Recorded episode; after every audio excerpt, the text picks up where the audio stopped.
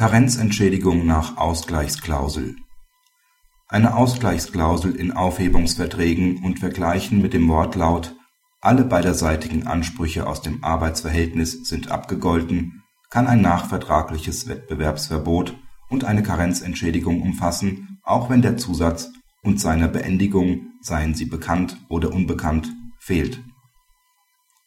Der Arbeitnehmer arbeitet in einem amerikanischen Maschinenbetrieb. In seinem Arbeitsvertrag ist ein nachvertragliches Wettbewerbsverbot vereinbart. 2005 erkrankt der Arbeitnehmer und wird deshalb außerordentlich gekündigt. Der arbeitsgerichtliche Rechtsstreit endet durch gerichtlichen Vergleich gemäß § 278 Absatz 6 ZPO. Darin heißt es, die vertragsschließenden Parteien sind sich darüber einig, dass mit Erfüllung dieses Vergleichs alle beiderseitigen Ansprüche aus dem Arbeitsverhältnis abgegolten sind.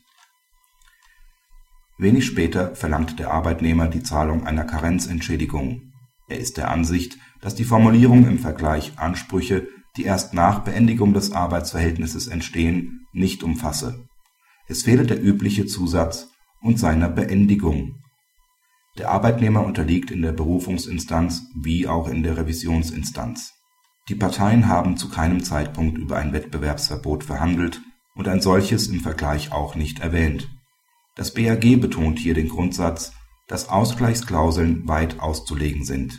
Solche Klauseln können folgerichtig auch nachvertragliche Wettbewerbsverbote beseitigen, wenn die Parteien erkennbar klare Verhältnisse schaffen und möglichen Streit in der Zukunft vermeiden wollen.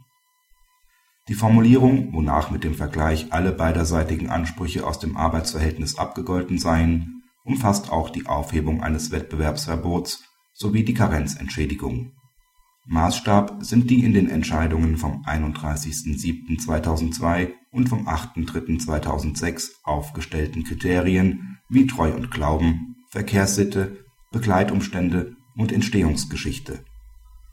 Da es sich beim Wettbewerbsverbot und der Karenzentschädigung um gegenseitige Ansprüche handelt, die ihre Grundlage im Arbeitsverhältnis haben und daher Ansprüche aus dem Arbeitsverhältnis sind beruhen diese nicht auf der Beendigung des Arbeitsverhältnisses, sondern auf der vertraglichen Gestaltung des Arbeitsverhältnisses zuvor. Sie folgen dem aktiven Arbeitsverhältnis lediglich zeitlich nach. Insofern ist der fehlende Zusatz und seiner Beendigung unschädlich.